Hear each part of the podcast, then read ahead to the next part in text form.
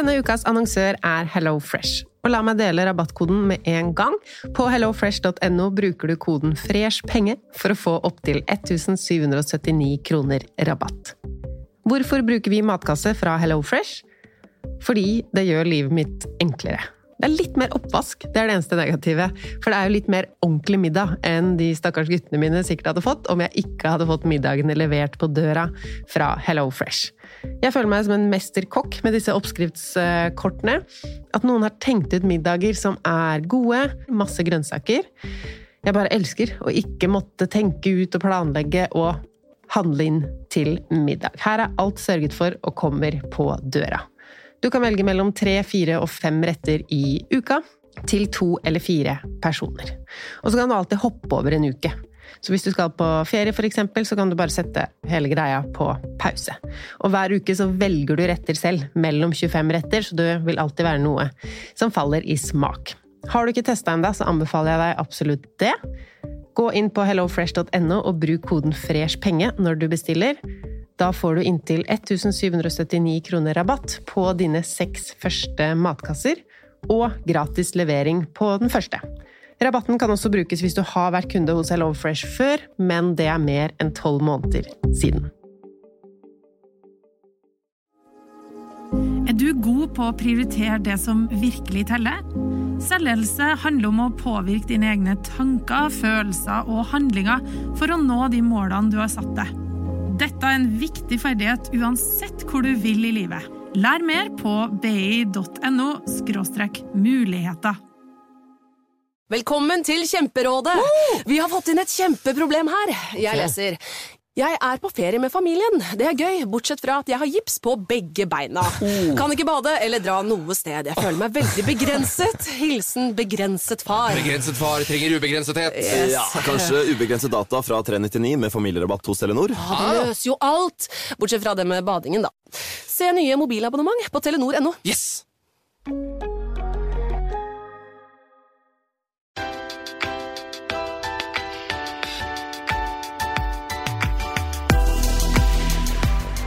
Velkommen til Pengesnakk podkast. Jeg heter Lise Wermli Christoffersen, og i dag har jeg besøk av en som kan økonomi på ekte. I dag skal vi ikke snakke om privatøkonomi som vi pleier, men mer økonomisk historie, økonomiske begreper og forstå mer av hvordan ting henger sammen. Til å lære oss alt vi ikke kan, så har jeg henta inn tidligere finansjournalist i DN, nå økonomikommentator i NRK, og forfatter Cecilie Langum Becker. Velkommen! Tusen takk, veldig stas. Forfatter, det høres bra ut. Kan du gi oss litt mer kontekst på hvem du er? Hvor bor du? Har du familie? Er du mest glad i å spare penger eller bruke penger? Mm, jeg håpet at det siste spørsmålet ikke skulle komme opp. Men eh, jo, altså jeg er utdannet siviløkonom og renteanalytiker. eh, Og jobbet mange år i DN. Jeg har vært redaksjonssjef der og eh, reporter. Og så har jeg jobbet fem år i NRK som økonomikommentator. De har gått veldig fort de fem årene. Det er en veldig morsom jobb. Eh, Og så har jeg tre barn eh, og er gift. Og bor på Snarøya. Og kjører full sånn A4-opplegg.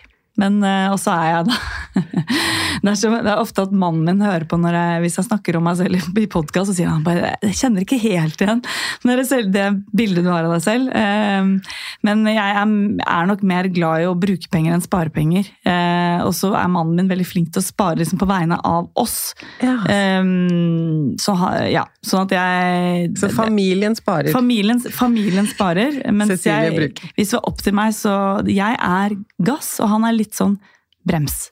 Og det er jo kjempefint, så alle um, som er glad i og synes det er litt sånn gøy å kjøpe ting og sånt, de burde være sammen. Jeg sier alle burde hatt en Egil i livet sitt, og Egil er da mannen min. Ja.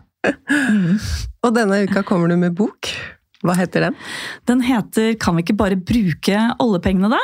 Heter den. Eh, Det er en litt lang tittel. Vi, vi slet litt med å få på plass til hele den tittelen på forsiden, men det er jo Og så har du en undertittel òg. Ja, det er alt Ja, ikke sant? Det er en undertittel. De som skulle designe, de bare Oi, dette var litt av en oppgave. Eh, Den heter vel 'Alt du lurer på om økonomi, men ikke tør å spørre om', og så er det også en boble der hvor står 'Økonomieksperten svarer', og så er det et stort bilde av meg. Det er jo det er voldsomt. Voldsomt opplegg, så du må nesten Ja, du, du må kunne lese, ja, for, for å få med deg alt det som står på den forsiden. Men den boka er til vanlige folk. den er til vanlige folk. Ja. Den er ikke liksom for eh, barneskolebarn, det er den ikke. Men eh, helt fra sånn 15 år eh, og opp tenker jeg at du kan ha jeg jeg har vurdert å teste den på tolvåringen min, eh, sønnen min, men, men det var ikke, han, han det så, han hadde ikke så veldig lyst til det. Men, men hvis du er fra 15 år og opp og er sånn helt vanlig eh, det trenger ikke å være sånn kjempeoppegående engang, så skal du få med deg det aller meste. Og mamma på 80 eh, hun har vært gjennom og syns selvfølgelig det var kjempebra, men, men, men får, det med, får det med seg og, og skjønner hva som står der og syns det er liksom eh, Ja. Så at du har eh, Jeg håper å treffe mange da, med boken. For du som kan så mye, jeg har jo mange spørsmål jeg lurer på, og jeg tenker jeg skal begynne med et som kommer til å føre oss til mange andre. Og det er hvorfor må boliglånsrenta settes opp hele tiden? Og forresten, er du enig i at den må det? Og det er jo et spørsmål som jeg får hele tiden. eh, Og litt med, også litt sånn, Hvorfor må den settes opp eh, når vi, når vi har det så vondt fra før av økonomisk? Når alt annet er så dyrt. Hvorfor må Norges Bank liksom bære sten til byrden? Hvorfor må de gjøre det så, så vanskelig for oss? Eh, og det er jo eh, dessverre sånn at Norges Bank de tar jo ikke hensyn til hver og en av oss når de holder på med disse rentehevingene. Eh, og de har jo én oppgave, og det er eh, prisveksten. Holde den eh, på et så normalt nivå som mulig, som jo er 2% over tid. Altså inflasjonen skal være 2% over tid. Eh, Nå har den vært mer sånn 5-6-7, nesten opp mot 8 eh, i noen måneder. Eh, Gladbeskjeden faktisk forrige uke var at den nå er nede i 3,3 eh, Så det er jo et godt tegn. Det betyr jo at vi snart begynner å nærme oss. Men de må sette opp eh, renta, fordi de, de vil at det skal gjøre litt vondt for oss. da. Og det er det som er litt eh, Du ville aldri hørt Ida Wolden Bakke, sentralbanksjefen, si eh, dette skal svi og nå skal det gjøre vondt. Men det er jo egentlig det hun forsøker på. Vi skal bruke mindre penger. Hun vil dra inn penger fra økonomien, sånn at man får prisveksten ned til et mer eh, normalt nivå. For det er, vi, vi, vi får store problemer dersom prisveksten biter seg fast, eh, og du får disse lønnsprisspiralene som bl.a. Norges Bank er veldig redde for. Så det er ikke for å være, det er, det er ikke for å være slem, men, men det er for at det skal gjøre litt vondt. Faktisk. Sånn at hvis vi skal bruke alle pengene våre på renter, så har vi ikke råd til å kjøpe alt vi vil i butikken. Nemlig. Da det. blir det ikke ikke sant? Det er, det, disse pynteputer på Kid og, og olivenolje på den litt sånn kule olivenoljebutikken, alle disse tingene. Liksom, eh, og det, og det ser man jo også i økonomien nå. Hvilke butikker er det som sliter nå? Det er den type butikker i detaljhandelen. De der ekstra pengene på toppen, eh, de er borte for de aller fleste av oss eh, nå. Det er ikke liksom jeg er ikke innom øh, interiørbutikken og kjøper meg liksom nye rammer og duftlys. Det er ikke liksom helt den stemningen nå øh, for de aller fleste. Og så, jo, og så skal man også ha respekt for at for veldig mange så, så har jo det aldri vært et alternativ. Du har jo veldig mange som som bare, her, Duftis det kjøper, kjøper det har ikke jeg råd til i det hele tatt. Det er jo maten som er dyr. Og det, jo, det stemmer jo også for en ganske stor eh, gruppe, så det er ikke meningen på en måte eh, ikke la den gruppen få plass. Men de aller fleste av oss må vi huske på er i jobb. Eh, sånn at for de aller fleste av oss så, går, så, så klarer vi på en måte de grunnleggende tingene. da. Så vi, vi har råd til de mest grunnleggende, ting, grunnleggende tingene, og det ser vi også i makrobildet. Altså, I stort så ser vi også det at de aller fleste klarer seg bra. Og du ser også, Bare se på boligprisene, eh, hvor robuste de har vært i møte med alle disse rentehevingene. sånn at vi, De aller fleste av oss eh, får det til, og så er det noen få selvfølgelig som sliter. og det er jo jeg tror det er noe sånn som 150 000 nå som sliter sånn på ordentlig. Eh, og det er et kjempestort tall. Og så må vi ikke da glemme at det er da flere, mange millioner som da ikke sliter også. Så det er litt sånn å, å ta med seg at man ikke bare ser at dette er veldig fælt og veldig vanskelig. De aller fleste klarer seg jo tross alt bra. For hva ville skjedd hvis renta var eh, 2 nå?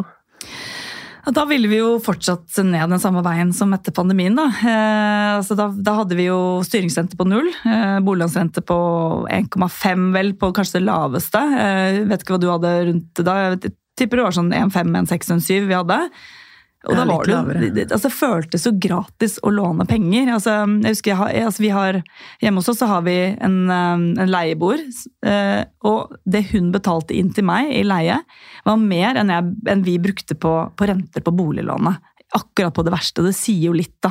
Det er jo, det er jo noe som ikke stemmer der. Hennes liksom, kjellerleilighet og vårt, liksom, vår enebolig på toppen. altså Det er dyrere for henne å bo der. så liksom det, det, var jo mye, det var jo noe som ikke på en måte stemte. Og vi fikk jo veldig veldig god råd. Mm. Eh, og dro det på XXL, ikke sant. Eh, det så ut som det hadde vært ran på XXL. Ikke sant? Det var, altså, det var tomt for, for det primus, de gass, små, små gasstankene. Hengekøyer. Og hengekøyer. Og alt, ja, men, ikke sant? Det, vi, vi, brukte jo altså det er jo kjempedeilig å få så mye penger inn på konto. Mm. Eh, føles det som, da, fordi det er så lite som mye, så utrolig mye mindre som går ut når du har boliglån.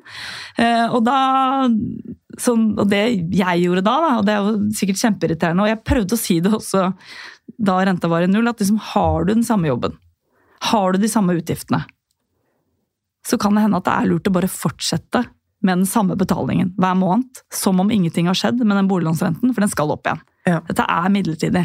Hvor lenge? Umulig å si. Er det ett år, er det to år, er det tre år? Hvor dyp ble krisen? Umulig å, umulig å se da vi sto der i mars, april, mai, våren 2020.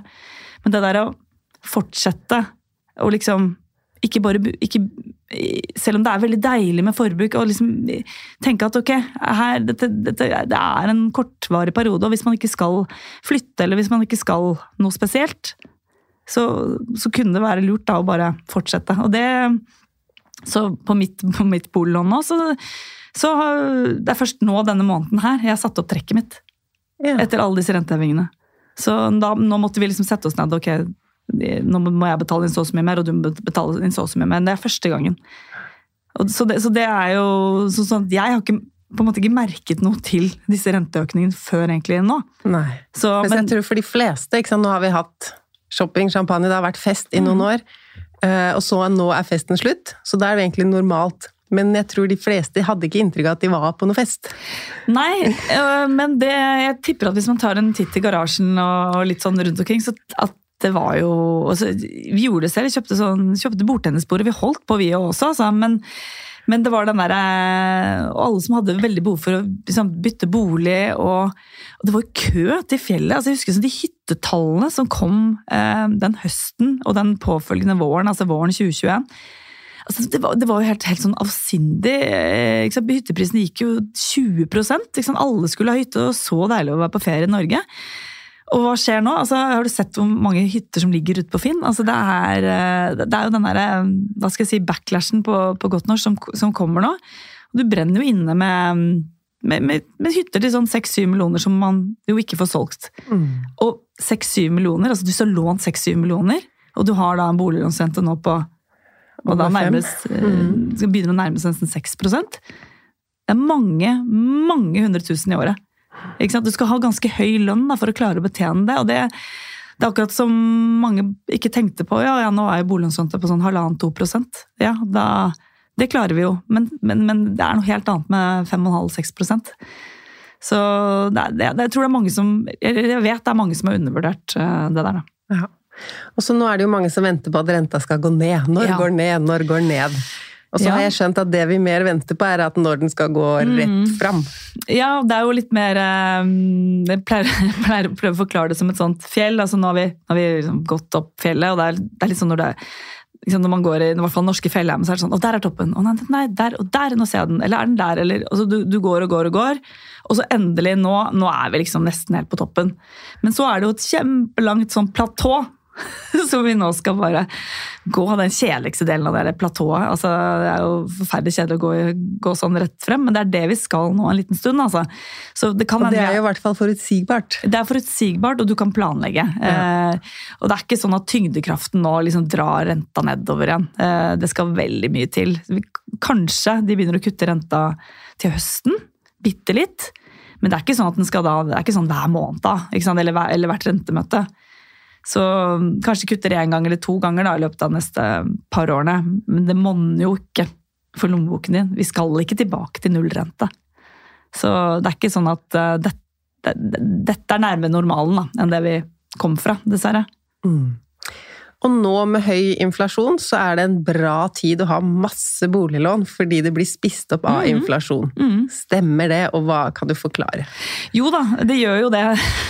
Og det er jo litt sånn um fordi du merker jo ikke det når du altså, Hvis boliglånet ditt er på fire millioner, så er det jo fortsatt på fire millioner. Det blir jo ikke spist opp sånn i kroner og øre. Og så betaler jeg mer og mer Ja, inn i renter, mer, og renter er jo bare borte. Nemlig. Så, men, men det er jo det at i forhold til, hvis du ser det i forhold til lønnen din, da. Ikke sant? At det, hvis, vi har jo kjempehøy lønnsvekst nå, og alt annet stiger også, også i pris. Så da blir det på en måte mindre relativt sett, da. Sånn over tiden. også. det er liksom det det, det er kanskje eneste positive da, som skjer nå for privatøkonomien din, faktisk. Så det er jo Lønnsveksten nå har jo vært på eh, var det 5, 5% omtrent i år. Nå har vi jo reallønnsnedgang sannsynligvis i dag, eh, altså i år også, hatt i mange år. Men sånn til neste år så får vi jo veldig god, god lønnsvekst. Så det bidrar jo til å spise opp eh, lånet ditt sånn, litt sånn eh, etter hvert, men du merker det jo ikke. Eh, og du ser du ikke nettbanken din heller. Lånet ditt er fortsatt på 4 millioner. Eh, selvfølgelig så betaler du avdrag, da. Men, eh, men sånn rent økonomisk så er det jo sånn, selv om man ikke kanskje føler det.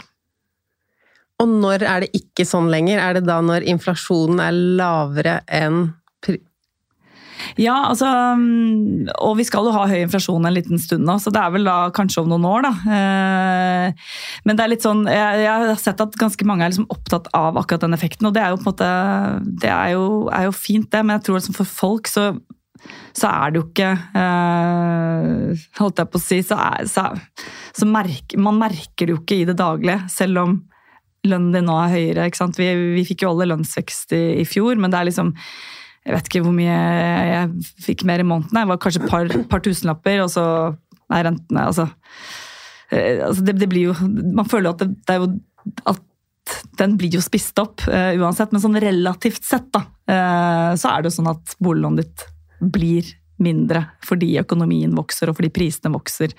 Eh, og så har du også boligprisene nå, som jo også er eh, De har nesten stoppet opp eh, litt. Grann også. Det også betyr jo at det er, er muligheter for folk. Da. Så det også er jo positivt hvis man på en måte har litt å gå på. Hvis man ikke gønnet på under pandemien, så er det kanskje liksom Kanskje ikke så dårlig timing nå da, for folk å, å se seg om, fordi du kan liksom gjøre noen noen gode kjøp. Og det er, jo, det er jo alltid bedre å kjøpe seg opp eh, da, i et eh, fallende marked, eller et negativt marked, fordi prisfallet er jo da større for en eh, dyrere bolig enn en billigere bolig. Da. Så det er jo liksom eh, regelen. Så hvis man har litt sånn ekstra å gå på nå, det er jo mange som har det også, så kan det være bra timing nå, selv om den boligen du sitter på selvfølgelig er vanskelig å selge. Men eh, i kroner og øre så faller den mindre i pris enn den dyrere boligen du ønsker deg. Ja, fordi det går i på prosent, sånne Ja. boligpriser. Mm, ikke sant? Ikke sant? Hvis boligprisene faller 5% av en bolig på 10 millioner, eh, så er jo det mye mer i kroner og øre enn en bolig til 5 millioner, som kanskje er den du skal selge. da. Så lurer jeg på noe om selve pengene. Eh, For når man snakker om kryptovaluta, så er det sånn de har jo bare en verdi fordi folk er enige om eller har tro på at dette kommer til å være verdifullt. I motsetning til vanlige penger. Men så har jeg skjønt at sånn er det jo med vanlige penger òg. Mm. De har bare en verdi fordi vi alle er enige om at Mm. penger er verdifullt. Er ikke det litt risky? Jo, og det er jo, det er jo Penger er jo tillit. Og jeg husker em, jeg leste i Maja Lunde sin bok som heter em, 'Drømmen om et tre'. Er det ikke det? Den siste i den em, bok nummer fire i dette klimaprosjektet. Det er Fantastiske bøker, forresten. Altså, det er jo, ja. Eh, og da, da skriver hun, Det er et sitat fra en best det er vel en bestemor i den boken, en karakter i den boken som, som sier at, eh, at liksom sier noe sånn i retning av at penger er som eh, religion, i den forstand at det bare finnes fordi man tror på den. Eh, og det er jo, nå er det ikke akkurat sånn, det, sånn har jeg formulert det i min bok, men det er Ja. inspirert av det Maja Lunde skriver i sin bok. og det er jo, så, så det er jo noe med det. altså Hvorfor har den femtelappen verdi når jeg gir deg den? Det er jo fordi du tror at eh, du kan bruke den videre. Eh, og, så derfor er penger er eh, tillit, og det er jo ikke sånn lenger. Eh, jeg tror det er ganske mange som tror at hvis du går ned i hvelvet i Norges Bank, altså under bakken der, eh, så ligger det liksom masse gull. ikke sant? Og at, at, det at det er en viss mengde gull som står bak hver seddel. Eh, Sånn så- var det i gamle Sånn dager. var det jo før. Ja. Da hadde man jo gullstandarden. Og så funket jo ikke den så veldig bra, fordi blant annet det var veldig lite fleksibelt med denne gullstandarden. Og man hadde jo Kristiania-boomen og det påfølgende Kristiania-krakk med masse spekulasjon og, og For det handla om bolig. Kan du Det- fortelle om det? Ja, det handlet om, eh, om bolig, eh, og det, det er ikke så ulikt finanskrisen altså, som vi jo hadde eh, for en liten stund siden. Jeg husker jo finanskrisen veldig godt. Eh, men da ble det jo gitt da, eh, veldig mye lån til, å, til eiendom, og eiendom bare steg og steg og steg og steg i verdi.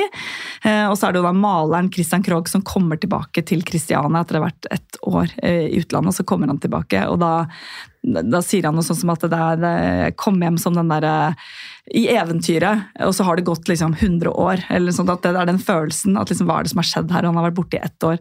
Og da er det sånn alle bare løper sånn febrilsk rundt. 'Å, du må hive deg på eh, eiendomsspekulasjonen'. ikke sant? Du må være med på, eh, på den greia der.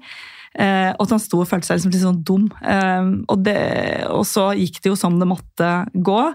Eh, at det, ble, det var en svær boble, og så skjer det det som alltid skjer. Det er jo at da eh, det begynner å bli nervøst. Liksom, er dette egentlig verdt eh, det det ser ut til? Og så begynner de som da har lånt ut penger, å si eh, du må betale tilbake. Og så eh, får du ikke betalt tilbake, for du får ikke solgt den bygården du har kjøpt. Og så bare krasjet jo alt sammen, og alt ble verdiløs, og masse banker gikk konkurs. Eh, Så dette er liksom det tidlige, og da, og da hadde vi jo eh, gullstandarden eh, på den, akkurat på den tiden her, som jo bidro til å forsterke litt av problemet. Fordi Norges Bank liksom måtte ha en viss mengde gull bak hver krone, og så liksom begynte, så begynte liksom politikerne, eller altså regjeringen da, og liksom skulle ønske at man kan man så vike litt fra det, og så viker man litt til, og så, og så er det egentlig en strikk som ikke er der, og så, og så, og så ble det jo bare kollaps ut av det hele. Så det, det, det er litt sånn gøy å lese om den type ting, og så tenker man sånn, oi, dette ligner jo veldig på det som skjedde under finanskrisen, der hvor man gir lån og lån og lån, og boligmarkedet bare si stiger og stiger og stiger. Lærer bare- man ikke noe av historien? Nei. Kan dette skje i Oslo nå? Ja, og det, det er litt sånn um, Jeg husker at jeg intervjuet Peter Warren, som er en sånn hedgefondforvalter under finanskrisen, og så sa han han bare Nå husker jeg ikke sitatet ordrett, men han sa noe sånn som at um, eh, at han, og han har levd gjennom masse forskjellige økonomiske sykler. Da, at uh, Jeg trodde man hadde lært, men hver gang så ser jeg at liksom, grådigheten trumfer. Hver eneste gang. Og det var akkurat det som skjedde under finanskrisen også. Man så en anledning, man ga, ga masse folk lån som ikke burde hatt lån, og fristet dem og sa ja, men her, ikke sant, du trenger ikke betale noe med en gang, og kom igjen, dette er jo kjempelurt. Og så endte man opp med å kjøpe boliger, og når alt da begynte å rakne, så var jo alle disse altså, boligen, ble boligen til slutt eh, verdiløse. Og det som i tillegg med altså, For dette startet jo i USA. Så er det sånn at det er jo boliglånet følger jo eh, boligen, ikke personen. Det er så rart. Ja, så Det er jo veldig annerledes enn her. ikke sant? Det er ikke sånn at du bare å ja, ok, nei, men bare ta boligen min og stikke til, stikke til Thailand liksom, og, eh, og ta deg en ferie. Du må liksom gjøre opp for det. Men da kunne man jo bare gi nøkkelen til banken. Eller det var det man gjorde. Her er nøkkelen. Eh, ha det bra. Dette er ditt problem. Og da, det var det som førte til at alt eh, kollapset. Så det var jo en enorm sårbarhet der. Men igjen, denne, eh, om, om vi har lært, og det er jo det vi er redd for nå, ikke sant. Den, liksom, at kan dette skje igjen? altså i hvert fall sånn i boligmarkedet. Og Nå ser det ikke akkurat sånn ut, men hvor er det punktet da? der hvor folk ikke lenger klarer å betjene boliglånet sitt? Og må selge, altså må brannselge, eller må selge liksom litt raskt. Selge kanskje for billigere enn du kjøpte det for. Og hvis du har kjempeuflaks, eh, hvis du er liksom akkurat tett på liksom grensen for liksom hvor mye egenkapital du egentlig må ha, så kan noen få kanskje sitte i en situasjon der hvor du ikke har bolig, men du har boliglån. Fortsatt gjelder, ja. Og det er jo sånne ting som kan balle litt på seg. Og det er jo Og så tenker man sånn, ja, men da må man jo vente. Men det er liksom, blir du skilt, da, da må du jo som ofte selge boligen ikke sant? for å dele pengene to og få to boenheter. Og har du mistet jobben, da, og du kanskje må flytte i en annen del av landet. Kanskje du må flytte fra distriktet til Oslo. Den boligen i distriktet akkurat nå, veldig vanskelig å få solgt. Komme seg inn på boligmarkedet i Oslo, veldig vanskelig. Det, er jo en del sånne, sånne ting man ikke helt rår over. Eh, som kan sette i gang en sånn, det man kaller en spiral. Da. Og da hvis boligprisen da faller veldig mye, så er det veldig mange som får, får trøbbel. Og hvis boligmarkedet faller 20-30 da er det jo mange som kommer til å sitte igjen med, med, med boliglån og ikke bolig. Og Det er et ganske dårlig utgangspunkt ikke sant? for et videre liv. Du sitter her og betjener et boliglån, og du må leie bolig i tillegg. ikke sant? Så det, dette er jo sånn som Vi vil jo ikke dit. Men derfor, det er jo derfor det er så strengt også, for boliglån. ikke sant? Og det er jo veldig plagsomt at eh, og du må ha skaffet 15 selv. Som jo er Skal du ha bolig i Oslo i dag, så er det sånn Du, du, må, du må ha ja, ganske mange hundre tusen i egenkapital da, for å klare det. Og så må du helst tjene snittet. Snittlønn. Du må, du må helst ha en lønn på 600 000, og du må ha mange hundre tusen i, eh, i egenkapital for å klare å få deg en bolig til sånn 3,5, da, som jo er det du egentlig trenger for å ha litt å velge i Oslo. Da, da, da ikke, og da er det ikke veldig mye du kan velge. Så det er, det er beinhardt, altså. Men når vi ikke har den der gullstandarden lenger, at Norges Bank må ha gull i hvelvet sitt, hvem bestemmer hvor mye penger som skal trykkes? Nei, altså det, det, Dette er jo Og så er det jo forskjell på penger som trykkes, altså de fysiske pengene. Det er, jo veldig, det er jo veldig mange færre fysiske penger enn det som er på konto rundt omkring. ikke sant? Eh, Det er jo bare en veldig liten del. Vi bruker veldig lite kontanter. Eh, Så, så det er jo um, eh, så, så penger skapes jo i de private bankene. Det er ikke sånn at da når du Ok, nå skal jeg låne fire millioner til boligen min, så går jeg til banken og så sier jeg skal låne fire millioner. Ok, ja, men da må, da må hvis det er meg, da, så da må Lise da ha satt inn fire millioner på konto. Så går det i null. For Sånn- tenker man det. sånn det. tenker man Noen at- de har sparepenger på den ene siden, og så låner de ut sparepenger på den Og andre det siden. er ikke sånn det funker i det hele tatt. Det man, man, opp, man, man skaper, man lager pengene i, de, i, i banken. sånn at når jeg da går og låner fire millioner, så lager de på en måte de pengene gjennom at, gjennom at de, de, utsteder, altså de utsteder gjeld til meg, og da har de skapt de pengene. Så det er jo, alt er jo, så, det, så man tenker sånn at krypto er litt sånn, å shit, hva er det egentlig? Så er jo dette her også egentlig litt sånn på samme nivå. Det høres ikke bærekraftig ut. Nei, det, nei men, det jo, men det er jo selvfølgelig også begrensninger. Så tenker man sånn, ja, men da er det bare å utstede masse gjeld. Herregud, hvorfor bare holder ikke bankene på å bare gi masse gjeld? Det er jo kjempefint. Men det er jo fordi at det skal jo betales tilbake. Det skal jo være rentebetalinger. Og jo mer, og jo mer risikable kunder du lærer, låner penger til, jo, jo høyere må renten også være. Sånn at det må være bærekraftig, så det er liksom selvregulerende. Du kan ikke bare kaste penger etter folk.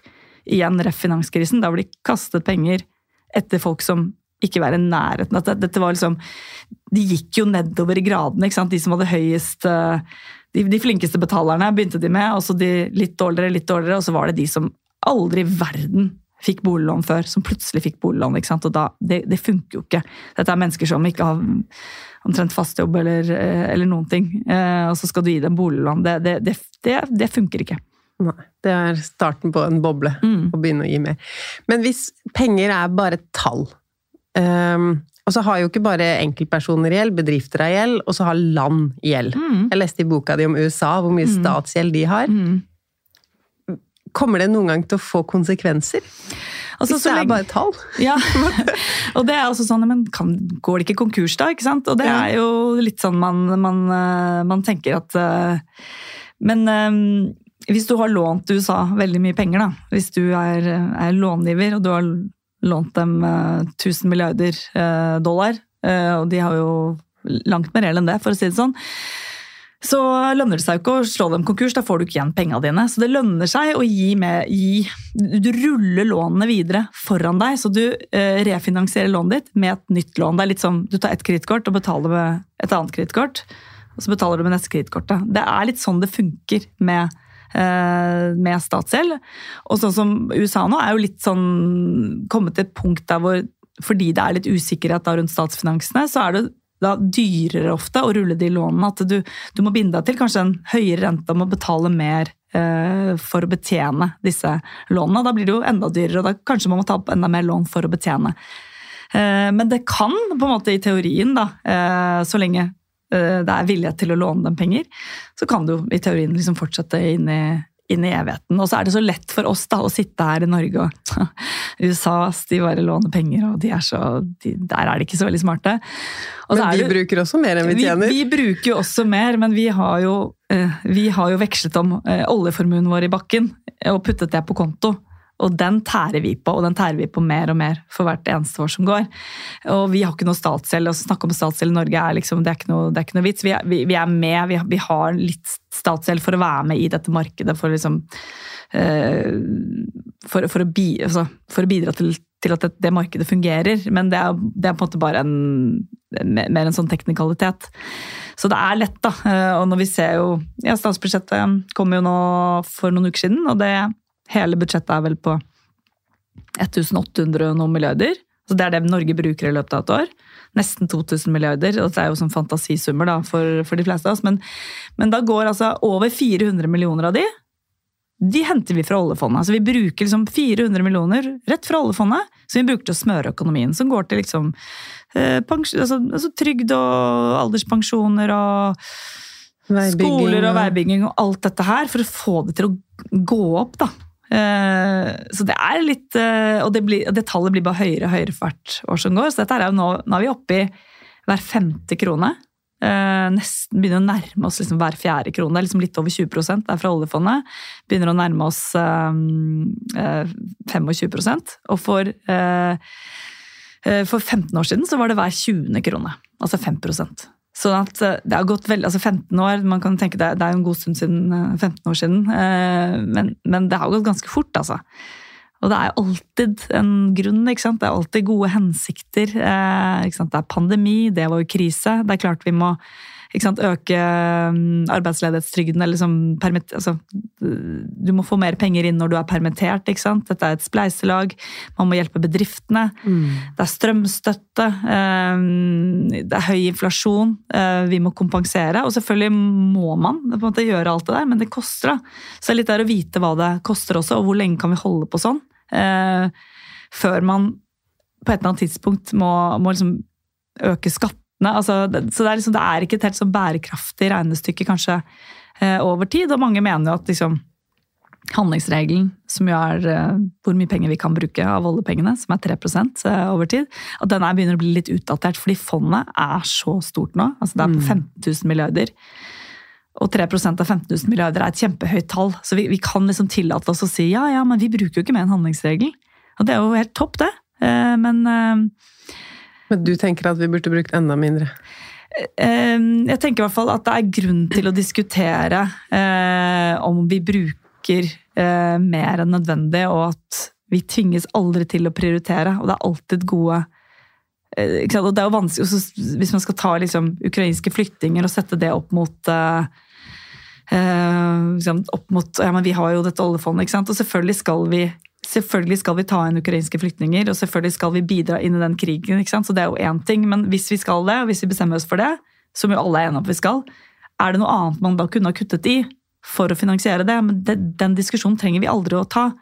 Så det, så det er noe med ikke sant? Sånn er det jo. Prioriteringa, ja. Sånn er det jo i privatøkonomien òg. Det snakker vi ja, jo masse om her. Og det er jo hva, hva, er viktigere. Og hvis du Ja, men vi må, vi må på ferie. Ja, ok, ja, det må man jo ofte når man har barn, ikke sant. Men da må vi kanskje vente da med den bilen eller eh, eller, eller, eller, eller, eller Tom Urstad sjøleir som koster 10 000 kroner for en uke om sommeren. Altså, det må, det må, det er, man kan ikke bare adde på, da.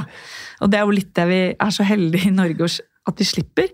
Men det bidrar også til å, til å, til å kanskje potensielt skape noen ubalanser. At vi, vi, vi, har en veldig stor offentlig sektor for eksempel, som er større enn enn en eh, veldig mange andre land vi kan sammenligne oss med. fordi det, det går, da, eh, og det funker. Og, og, det er litt den der, Hvorfor kan vi ikke bare bruke mer oljepenger? ikke sant? Som er det grunnspørsmålet kanskje i boken min. da.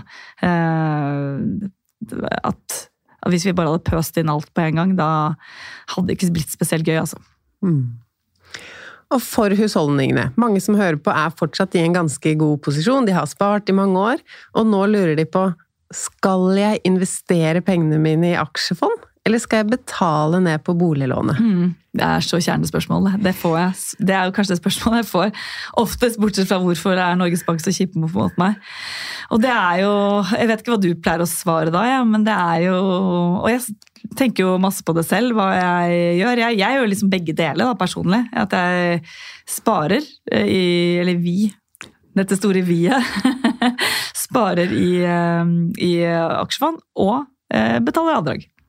Så jeg, jeg, jeg gjør begge deler. Eh, og kan da Skulle gjerne også kjøpt noen enkeltaksjer, ja, så det hadde vært veldig gøy. Men det har jeg da ikke lov til, da, siden jeg er journalist og jobber i NRK. I motsetning til, eh, hvis man sitter i regjering, så er det litt, litt løst regelverk.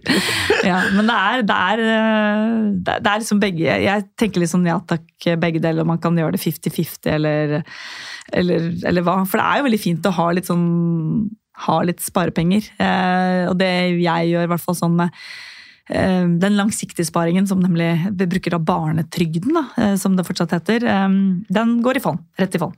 Ja, for der er det så lang horisont. Alt sammen.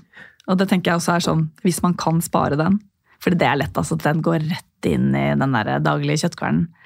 Og bare pff, Hvor ble det av den? Ikke sant? Og, og noen må bruke den.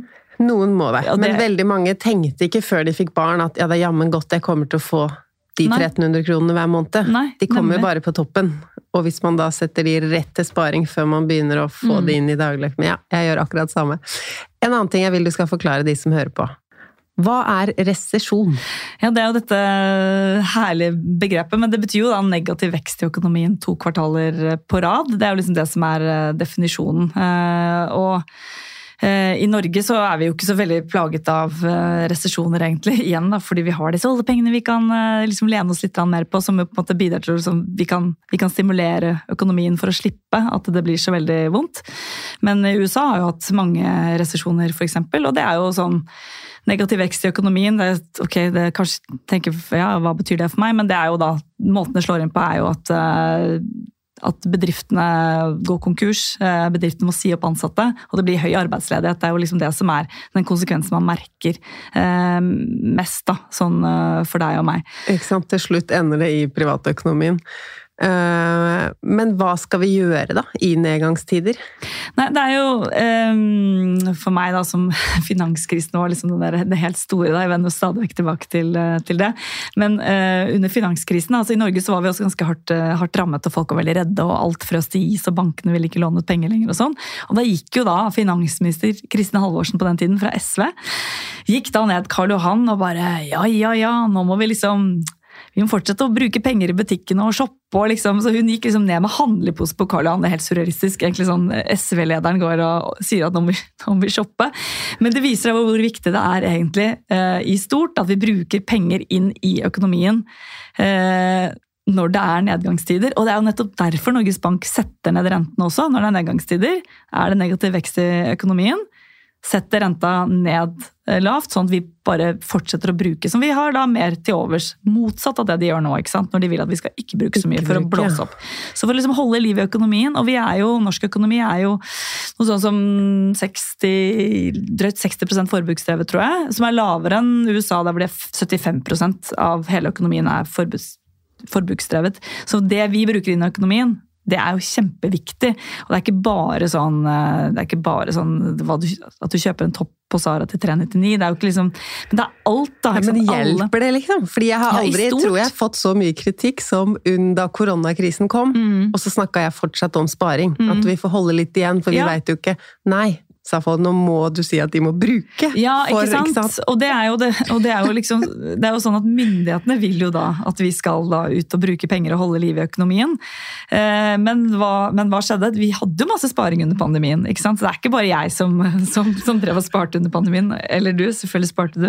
Eh, sånn, sånn, det er jo de pengene vi tærer på nå, eh, som jo for så vidt hva, hva kan man si, har, har jo kanskje nesten vært litt sånn ødeleggende for at pengepolitikken, altså Norges Banks rentesetting, at det skal funke inn i økonomien. At vi har hatt så mye penger å tære på. sånn at å ja, vi, vi betaler mer på lånet, men vi bare tærer litt på sparingen vår. ikke sant? Sånn at vi har fortsatt, vi har, vi har jo bidratt til å til at norsk økonomi fortsatt har vært litt sånn under eh, litt på høygir, da, allikevel. Selv om rentene har vært høye, fordi vi har spart. Sånn Ja, sånn det sånn at vi, vi, hjelper, vi, vi bidrar jo ikke da til å hjelpe Norges Bank, vi gjør det litt vanskelig vanskeligere for Norges Bank. Ja, Så det du sier er at det kunne gått fortere når de begynte å sette opp renta, hvis vi ikke hadde spart så mye Ja, under pandemien? Definitivt. Ja. definitivt. For det er veldig mange altså, det er jo, vi, vi sparte mange, mange hundre milliarder under pandemien. Som vi har tært på nå eh, under denne renteoppgangen. Så det er ganske vilt å tenke på. Og så er det veldig mange som bare hm, det var, Nei, jeg, hvem, og hvem har spart disse pengene? Jeg kjenner ingen, ikke sant. Så det er jo, litt, det, er jo det folk flest uh, føler på. Men veldig mange har spart. Det ser man på innskudd. Du kan liksom gå i kvartalsrapporten til DNB, så kan du se hvor mye innskudd som står på konto i DNB nå versus uh, før pandemien, f.eks. Og det er fortsatt, og det er fortsatt penger igjen. da. Det er fortsatt mer, men vi har begynt å ta dem. Ja, vi har absolutt begynt å tære, altså. Det ja. har vi. Før du skal gå, så må vi ha et lite småtips. Når jeg gjør litt research på deg, så så jeg at du har et eh, teiptriks til eh, boblejakker. Oh, ja, ja. Du, ja, men... vi har snakka stort, så nå skal vi gå helt inn på Teip, er det en sånn overført uh, betydning? Jeg mener du er noe mellom linjene? Jo, eh, oh, det er jo verdens beste, det er verdens beste tips. Å teipe Altså, jeg har en sånn eh, gjennomsiktig teip, sånn boblejakketeip, som jeg kjøper på Det får du som kjøper på alle sportsbutikker. Og teipe de hullene i boblejakker og i utebukser, sånn at de liksom holder du får ikke solgt det, da. Det liksom, det, det, salgsverdien er null når du har fått et hull. ikke sant? Det, alle som selger mye på Finn, eh, som meg, eh, vet jo det. Men det er bare at det kan holde en sesong til. Det kan gå videre til neste barn med teip. Og hvis du gidder, så kan du selvfølgelig sy litt under og så teipe. Men jeg har bare gønnet på med teip. Og da, alt holder en sesong til med, med denne teipen. Tear Tear Aid heter det, eller Tear, tear Aid heter det. Supert. Mm. Takk for det tipset, ja, og alt annet innsikt i økonomi som du har kommet stort. med. Takk for besøket. Takk for meg.